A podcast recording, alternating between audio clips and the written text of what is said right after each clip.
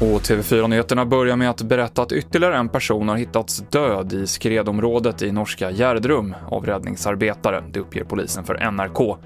Därmed har totalt fem personer hittats döda och fem saknas fortfarande.